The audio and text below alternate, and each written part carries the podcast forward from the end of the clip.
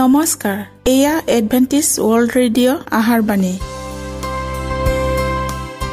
ঊনৈছ মিটাৰ বেণ্ডত পোন্ধৰ হাজাৰ পাঁচশ পঞ্চাছ কিলো হাজত। এডভেণ্টিছ ৱৰ্ল্ড ৰেডিঅ' যোগে অসমীয়া ভাষাত প্ৰচাৰিত আহাৰবাণী প্ৰত্যেক বুধবাৰ আৰু দেওবাৰ সন্ধিয়া সাত বজাত আহাৰবাণী শুনাৰ পিছত আপোনালোকৰ কিবা মন্তব্য আৰু প্ৰশ্ন থাকিলে আমালৈ এই ঠিকনাত লিখক। আমাৰ ঠিকনাটি হৈছে Adventist world radio' seven day Adventist মণ্ডলী অসম শাখা লতাকাটা বশিষ্ট গুৱাহাটী সাত আঠ এক শূন্য দুই ন।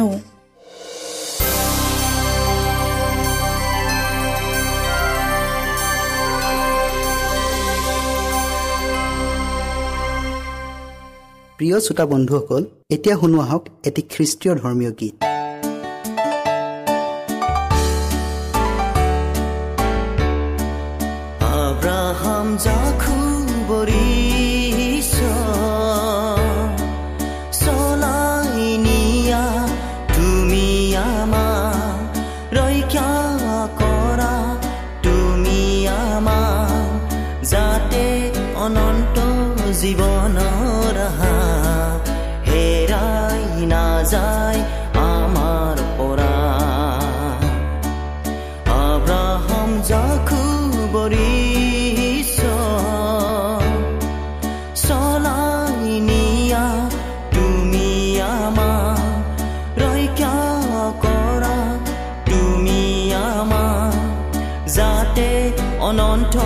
জীৱনৰ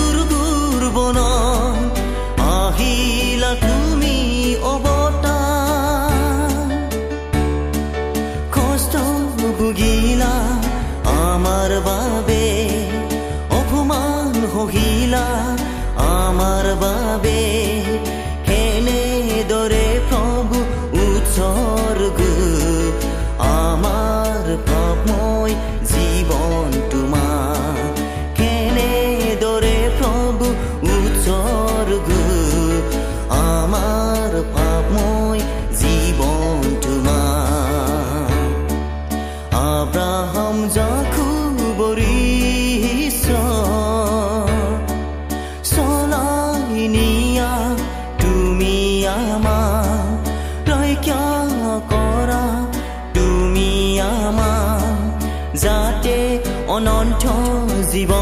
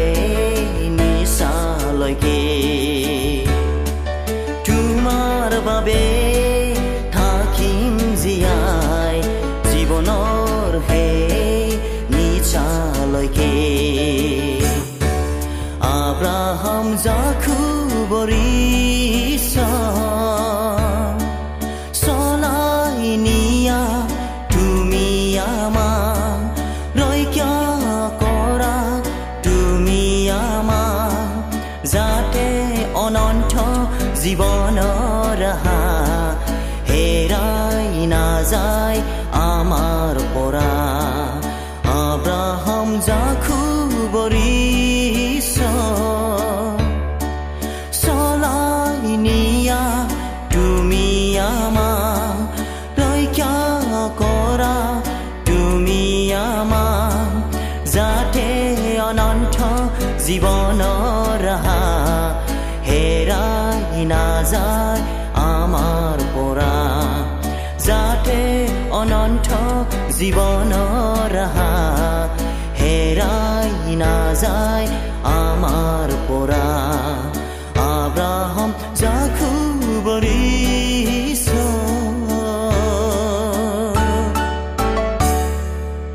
প্ৰিয় শ্ৰোতা বন্ধুসকল আহক আমি খন্তেক সময় বাইবেল অধ্যয়ন কৰোঁ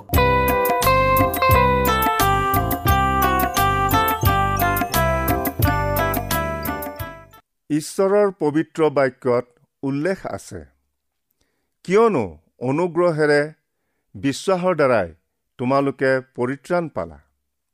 সঁচাকৈ পৰিত্ৰাণৰ অৰ্থে যিবিলাকক ঈশ্বৰে আমন্ত্ৰণ কৰিছে তেওঁবিলাকে পবিত্ৰ বাইবেলৰ এই মূল বিষয়ৰ প্ৰতি অৱজ্ঞা কৰা উচিত নহয়। খ্ৰীষ্টিয়ান জগতত অনেক মিছলীয়া শিক্ষকেৰে ভৰি ঈশ্বৰৰ বাক্যত ভাজ দি মানুহক ভুল পথে পৰিচালিত কৰিছে। সেয়েহে শাস্ত্ৰত কৈছে কাৰণ তেওঁবিলাকে ঈশ্বৰৰ ধাৰ্মিকতা নাজানি নিজৰটো স্থাপন কৰিবলৈ বিচাৰি ঈশ্বৰৰ ধাৰ্মিকতাৰ বহীভূত নহল। খ্ৰীষ্টিয়ানসকলে তেওঁবিলাকৰ নামঘৰত গীত গায়। কি আচৰিত দয়া প্ৰভুৰ অৰ্থাৎ ঈশ্বৰৰ অনুগ্ৰহ। অধমে পাওঁ মুক্তি। হেৰাইছিলো তেওঁ পালে মোক অন্ধই পালো দৃষ্টি।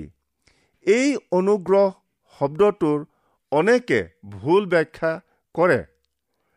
পবিত্ৰ বাইবেলৰ ভাষাত অনুগ্ৰহ মানে কৃপা কৰা দয়া কৰা মংগল ইচ্ছাক বুজায়। যিবিলাকে ঈশ্বৰক প্ৰেম কৰি তেওঁৰ বাধ্যতাত চলে ঈশ্বৰৰ দয়া সিবিলাকৰ ওপৰত থাকে। কিন্তু বাইবেলৰ নতুন নিয়মত অতি বিশেষ ৰূপে মানুহৰ প্ৰতি ঈশ্বৰৰ অতি মহান দয়া কৰা কৰ্মক বুজাইছে। আনহাতে ক'বলৈ গ'লে পাপীক অনুতাপ কৰিবলৈ ঈশ্বৰৰ আহ্বান আৰু অনন্ত জীৱনলৈ অগ্ৰসৰ হ'বলৈ ঈশ্বৰৰ ক্ষমাদানৰ প্ৰসাৰণ। খ্ৰীষ্টিয়ান জগতত অনুগ্ৰহৰ অনেক প্ৰকাৰৰ অমূলক মত কোলাহল বাতাবৰণৰ যোগেদি নিজ নিজ ধৰ্মীয় নীতি অনুসাৰে ব্যাখ্যাৰ প্ৰসাৰিত হৈ আছে। আজি কোনেও বিশ্বাস দুখমুক্ত আৰু পাপ ইত্যাদি বিষয়বোৰৰ সৈতে অনুগ্ৰহৰ কি সম্বন্ধ আছে সেইবোৰ বিচাৰ কৰি চোৱা নাই। আৰু যদি কেতিয়াবা তেওঁবিলাকে অনুগ্ৰহ মানে কি? চিন্তা কৰি চায় তেতিয়া উপৰোক্ত বিষয়বোৰৰ সৈতে তুলনা কৰিলে অনুগ্ৰহৰ প্ৰকৃত অৰ্থ উদ্ধাৰ কৰিব নোৱাৰি বিমূৰত পৰে। আন কিছুমানে আকৌ কয় অনুতাপ নকৰিলেও আৰু বিৰূপ ভাৱ ৰাখি ঈশ্বৰৰ দহ আজ্ঞা বা যীশুখ্ৰীষ্টে উঠাই দিয়া বিধান নামানিলেও ঈশ্বৰে তেওঁৰ অনুগ্ৰহ তেতিয়াও প্ৰসাৰ কৰিয়েই থাকিব। এয়া কিন্তু দেশ দেশ অশাস্ত্ৰীয় শিক্ষা। নিশ্চিতভাৱে ক'ব পাৰি অনুগ্ৰহে মানুহ জাতিলৈ ঈশ্বৰৰ প্ৰেম প্ৰকাশ কৰে। অনেক শিক্ষকে অনুগ্ৰহৰ শব্দৰ অৰ্থান্তৰ কৰাৰ উপৰিও কোৱাৰ প্ৰয়াস কৰে। পবিত্ৰ বাইবেলখনৰ পুৰণি নিয়মত অনুগ্ৰহ শব্দটো এবাৰো উল্লেখ নাই। প্ৰিয় শ্ৰোতা বন্ধুসকল সময়ৰ অভাৱত দুটা শাস্ত্ৰপদেৰে পুৰণি নিয়মৰ পৰা অনুগ্ৰহ শব্দটো উল্লেখ কৰিছোঁ। কিন্তু নোহে জিহুৱাৰ দৃষ্টিত অনুগ্ৰহ পালে।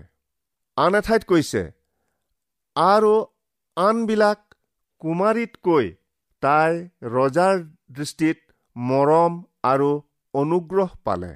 মনত ৰাখিব কিন্তু নতুন নিয়মত অনুগ্ৰহ শব্দটো ঈশ্বৰৰ দয়াৰ সৈতে বিশেষ সামঞ্জস্য ৰাখি কৰা কৰ্মৰ ভিত্তিত বাৰ বাৰ উল্লেখ হৈছে।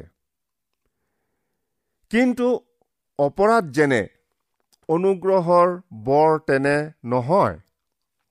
কিয়নো এজনৰ অপৰাধৰ কাৰণে যদি অনেকৰ মৃত্যু হ'ল তেন্তে কিমান অধিক গুণে?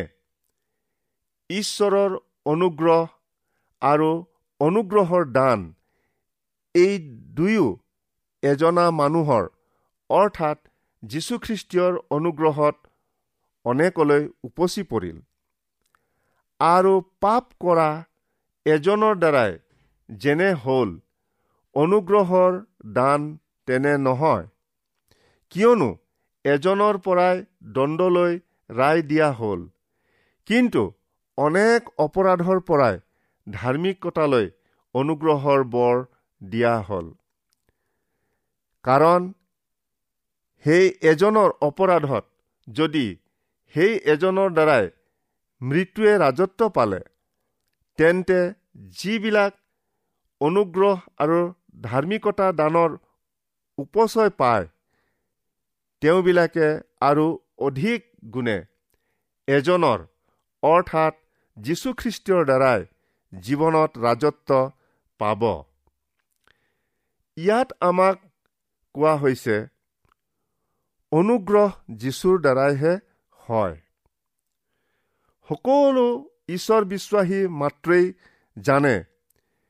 যীশুখ্ৰীষ্টীয়ৰ দ্বাৰাই আমাৰ পাপ ক্ষমা হোৱাৰ উপৰিও ঈশ্বৰৰ সৈতে পুনৰ মিলন কৰা। আৰু কোৱা হৈছে ঈশ্বৰৰ অনুগ্ৰহৰ শেষ পৰিণাম হৈছে অনন্ত জীৱন। বাস্তৱিকতে অযোগ্য আৰু অনুপাৰ্জিত হোৱা স্বত্তেও এয়া মানুহৰ প্ৰতি ঈশ্বৰৰ এটা অতি আচৰিত আৰু মহৎ বিনামূলীয়া বৰ। অনেকে কয় আৰু কবও আমি অনুগ্ৰহৰ দ্বাৰাই অপৰাধমুক্ত হলো। নিসন্দেহে সঁচা কথা সেই বুলিয়েই আমি চুৰি ডকাইতি ব্যবিচাৰ আদিৰ পুনৰাবৃত্তি কৰিব লাগেনে? কাৰণ ইতিমধ্যে শাস্ত্ৰে কৈছে দহ আজ্ঞা উলংঘনেই পাপ। অতি কম সংখ্যক লোকেহে শাস্ত্ৰৰ উদ্ধৃতি কথাখিনি বুজি পায়। আপোনাৰ হাতত থকা পবিত্ৰ শাস্ত্ৰখন খুলি পঢ়ক। ইয়াত একেই ভাৱাৰ্থ প্ৰকাশ কৰা চাৰিটা ভিন শব্দ পাব। বিশ্বাস অপৰাধমুক্ত কৰ্ম আৰু অনুগ্ৰহ।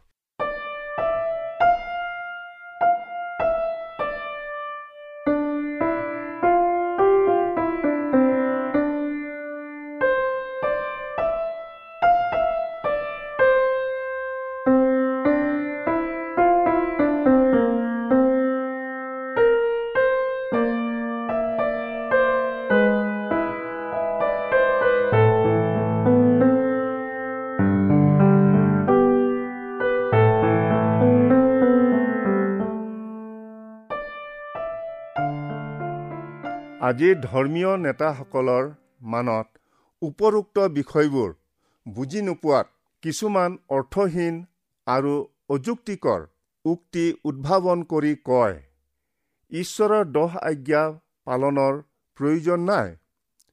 যীশুখ্ৰীষ্টই ইয়াক ক্ৰুচত শেষ কৰিলে। আপোনাৰ প্ৰয়োজন অনুগ্ৰহ আন একো নাই বা কেৱল বিশ্বাস কৰা সেয়ে যথেষ্ট। বহুবাৰ ঈশ্বৰৰ পবিত্ৰ বাক্যত কৰ্ম আৰু বিশ্বাসৰ ওতঃপ্ৰোতভাৱে জড়িত থকা দেখুৱাইছে। কোনোৱে যদি কয় মোৰ বিশ্বাস আছে কিন্তু তেওঁৰ যদি কৰ্ম নাথাকে তেন্তে কি লাভ? সেই বিশ্বাসে তেওঁৰ পৰিত্ৰাণ কৰিব পাৰেনে? সেইদৰে বিশ্বাসো যদি তাৰ কৰ্ম নাথাকে তেন্তে সি অকলে মৰা। তোমালোকে দেখিছা যে কৰ্মৰ দ্বাৰাই মানুহ ধাৰ্মিক বুলি গণিত হয়। অকল বিশ্বাসৰ দ্বাৰাই নহয় কিয়নো যেনেকৈ আত্মাবিহীন শৰীৰ মৰা তেনেকৈ কৰ্মবিহীন বিশ্বাসো মৰা। আমি উভতি চালে ঈশ্বৰৰ পবিত্ৰ ধৰ্মশাস্ত্ৰত উল্লেখ থকা দেখা পাওঁ যে এতিয়াৰ দৰে তেতিয়াৰ দিনৰ মানুহবিলাককো বংশৰ আৰু জাতিৰ গৌৰৱ কৰি কৰ্মৰ দ্বাৰাই পৰিত্ৰাণ পাবলৈ বা আৰ্জন কৰিবলৈ অবিৰাম চেষ্টা কৰিছিল। কিন্তু তেওঁবিলাকক পৰিত্ৰাণৰ অৰ্থে কুল গোত্ৰৰ নামত গৌৰৱ নকৰিবলৈ বাৰ বাৰ সকীয়াই দিয়া হৈছিল? ঈশ্বৰৰ জীৱনময় বাক্যই কয় যে আমি অনুগ্ৰহৰ দ্বাৰাই মুক্ত হলো। আমাৰ কৰ্মৰ দ্বাৰাই নহয়। নতুবা সেই অনুগ্ৰহেই আৰু অনুগ্ৰহ নহয়। এই প্ৰসংগত ক'ব পাৰি যিকোনো ব্যক্তিয়েই কৰ্মৰ দ্বাৰাই ঈশ্বৰক সন্তুষ্ট কৰি মুক্তি আৰ্জন কৰা চেষ্টা মাথোন।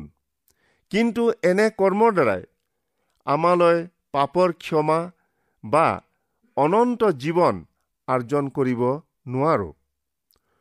মুক্তি বা উদ্ধাৰ ঈশ্বৰৰ দয়া বা অনুগ্ৰহৰ বৰ। খ্ৰীষ্টীয়ৰ সময়ত ধৰ্মীয় পালনীয় বিধি আৰু নিস্বাৰ্থ জনসেৱাক কৰ্ম বুলি কৈছিল। শাস্ত্ৰত কোৱা হৈছে বিধানৰ কৰ্মেৰে নহয় কিন্তু খ্ৰীষ্টীয়ত বিশ্বাস কৰাৰ দ্বাৰাই ধাৰ্মিক বুলি গণিত হ'বলৈ খ্ৰীষ্ট যীশুত বিশ্বাস কৰিলো। কিয়নো বিধানৰ কৰ্মৰ দ্বাৰাই কোনো মৰ্তই ধাৰ্মিক বুলি গণিত নহব। তোমালোকে যি সকলো লোক নিজ নিজ বিবেচনাত বিধানৰ দ্বাৰাই ধাৰ্মিক বুলি গণিত হৈছা তোমালোক খ্ৰীষ্টীয়ৰ পৰা বিচ্ছিন্ন হলা। তোমালোক অনুগ্ৰহৰ পৰা খহি পৰিলা। মনত ৰাখো হওক সৎকৰ্ম আৰু বিধান কোনোটোৱেই অবৈধ নহয়। কিন্তু এইবোৰ পালনৰ দ্বাৰাই আমাৰ মুক্তি নহয় আৰু মুক্তি আৰ্জন কৰিবও নোৱাৰো।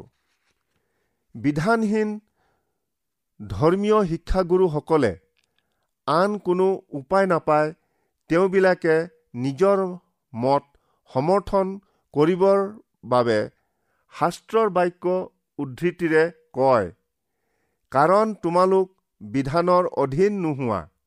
অনুগ্ৰহৰহে অধীন হৈছা। উক্ত শাস্ত্ৰপদটোৱে ঈশ্বৰৰ অপৰিৱৰ্তনীয় বিধান পালনৰ পৰা আমাক বিৰত থাকিব কোৱা নাই। উদাহৰণস্বৰূপে চুৰ কৰা লোপ কৰা নৰবধ কৰা বেবিচাৰ কৰা ইত্যাদি কুকৰ্মবোৰ ঈশ্বৰৰ পথত চলা লোকে কৰিব পাৰেনে? অৱশ্যে নোৱাৰে।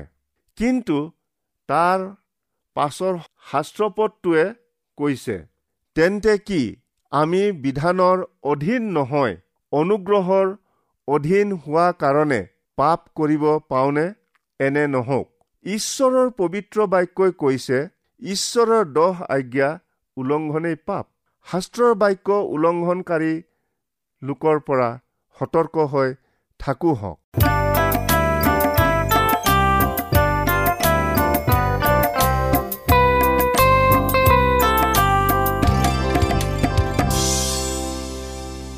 ইমানপৰে আমি বাইবেল অধ্যয়ন কৰিলোঁ। এতিয়া আকৌ শুনো আহক এটি খ্ৰীষ্টীয় ধৰ্মীয় গীত।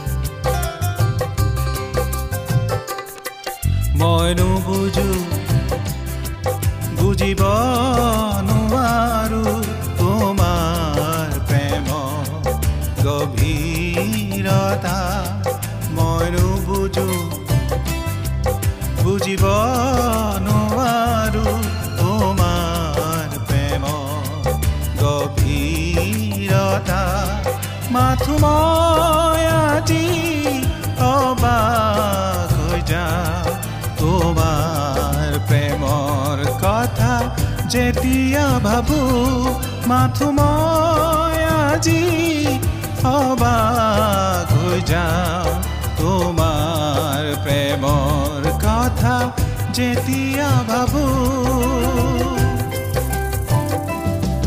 মই নুবুজো বুজিব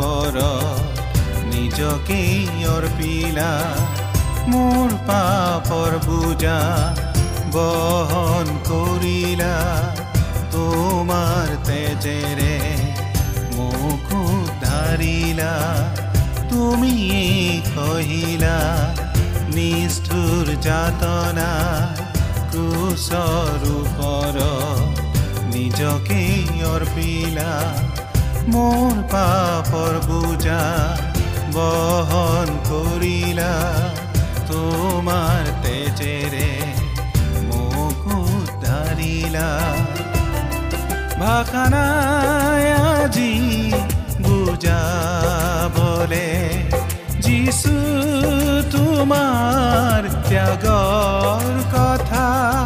ভাষা আজি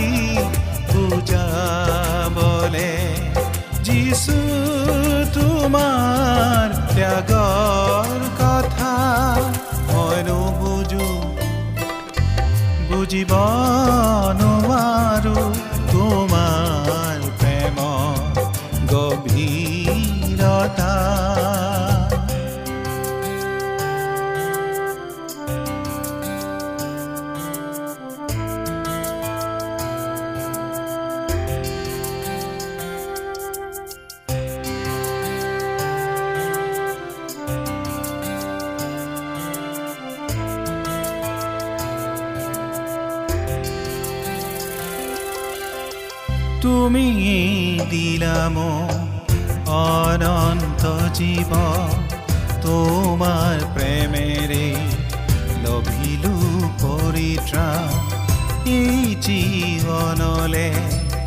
শান্তি বোৱালা দুখৰ বুজাম আঁতৰ কৰিলা তুমি দিলাম, অনন্ত জীৱ তোমাৰ প্ৰেমেৰে লভিলো পৰিত্ৰাণ এই জীৱনলে শান্তি পোৱালা দুখৰ বুজাম আঁতৰ কৰিলা ভাষা নাই আজি বুজাবলে যিছু তোমাৰ প্ৰেমৰ কথা।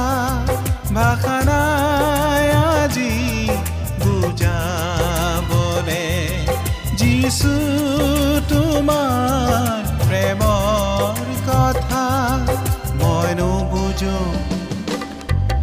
বুজিব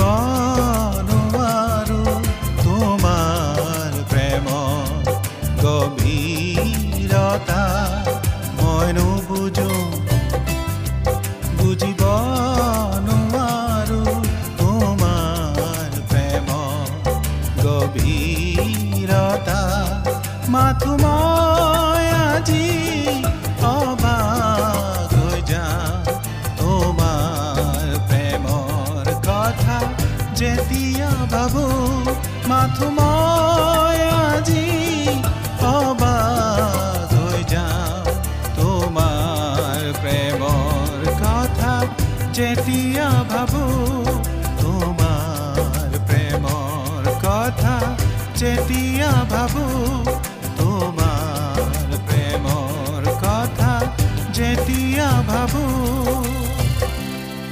মনত ৰাখিব আমাৰ ঠিকনাটি পুনৰ কৈ দিছোঁ। Adventist world radio' Assam region of seven day Adventist voice of hope Latakata Basistha Guwahati seven eight one zero' two nine প্ৰিয় শ্ৰোতা বন্ধুসকল এডভেণ্টিজ ৱৰ্ল্ড ৰেডিঅ' যোগে আহাৰবাণী প্ৰচাৰত আপোনালোকক পুনৰ লগ পোৱাৰ আহাৰে আজিলৈ সামৰিলোঁ। ধন্যবাদ।